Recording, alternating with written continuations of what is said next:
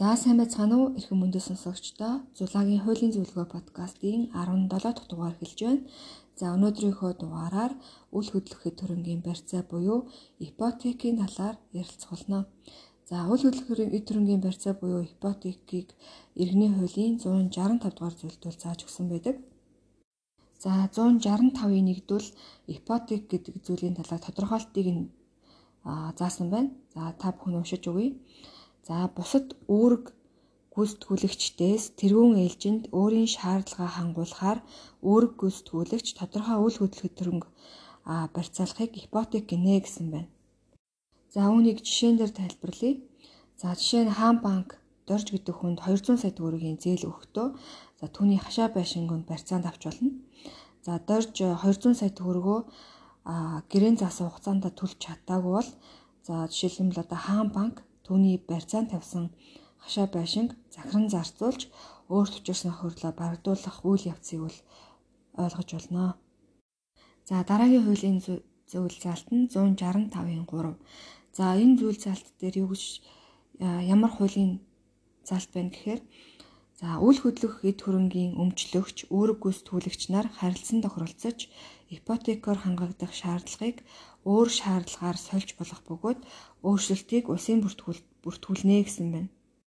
За үүнийг жишээн дээр тайлбарлах юм бол за дорж анх зээлийн барьцаанд хашаа байшингаа тавьсан бол одоо банктайгаа харилцан тохиролцоод одоо өөр үйл хөдлөхөд төрөнгийг одоо хашаа байшингийнхаа оронд тавиад сольж болно гэсэн үг.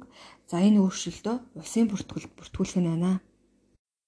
За дараагийн хуулийн заалтыг танилцуулахаас өмнө а та бүхэндээ одоо зулаагийн хуулийн зөвлөгөө гэсэн одоо YouTube хуудас болон Facebook хуудас руу ороод лайк, subscribe дараарай гэж хүсмээр байна.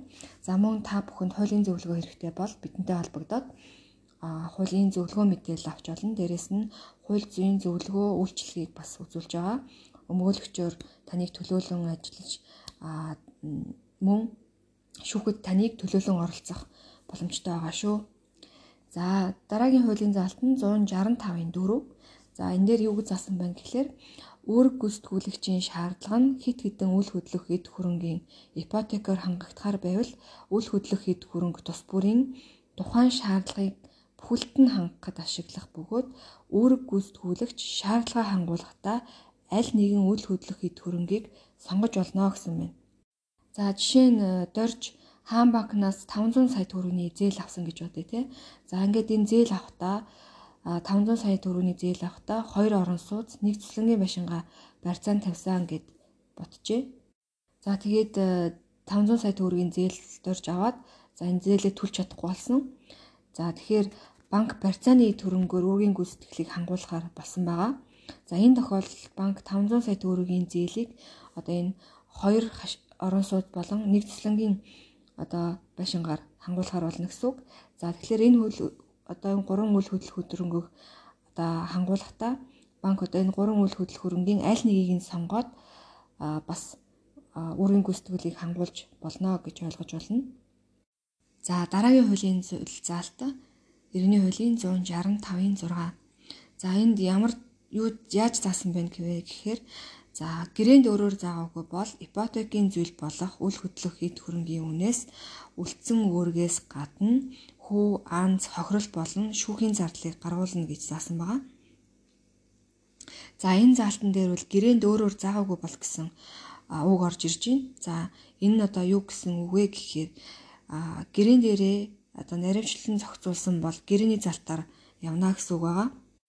За гэрээн дээрээ одоо а одоо хүү анз юу те хохирол болон шүүхийн зардлыг хэрхэн гаргуулахаа одоо тодорхой зааж өгөөгүй байх юм бол одоо энэ үйл хөдлөлийн төрөнгийн үнээс одоо хүү анз хохирол тэгээ шүүхийн зардал үйл хөдлөх хөрөнгийн үндсэн үнийг нь бол гаргуулнаа гэж тодорхой зааж өгсөн байна.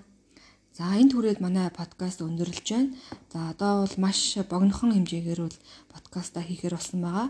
Учир нь гэх юм бол хүмүүс бас хэд урт болохоор бас сонирхолгүй. А дээрэс нь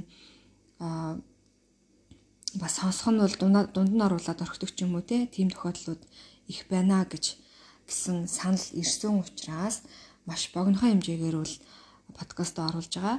За тэгээд та бүхэнд одоо манай подкасттай холбоотой санал хүсэлт байх юм бол холбогдоорой. А дээрэс нь хууль зүйн зөвлөгөө үйлчилгээ авах шаардлагатай байх юм бол манайхтай холбогдоорой.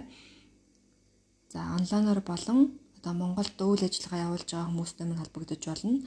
За Монголд бол золцоо гэдэг өмгөөлөгч байгаа 9400 0922 гэсэн утасны дугаартай. За онлайнаар гэх юм бол а зулагийн хуулийн зөвлөгөө өмгөөллийн үйлчилгээ, зулагийн онлайн хуулийн зөвлөгөө өмгөөллийн үйлчилгээ гэсэн хоёр Facebook хуудас байгаа. За энэ хоёр Facebook хуудасаар дамжуулан за ганх хоёгийн ариун зул надтай холбогдох боломжтой байх нэ. За ингээд дараагийн дугаар хүртэл түр баяртай баярлаа.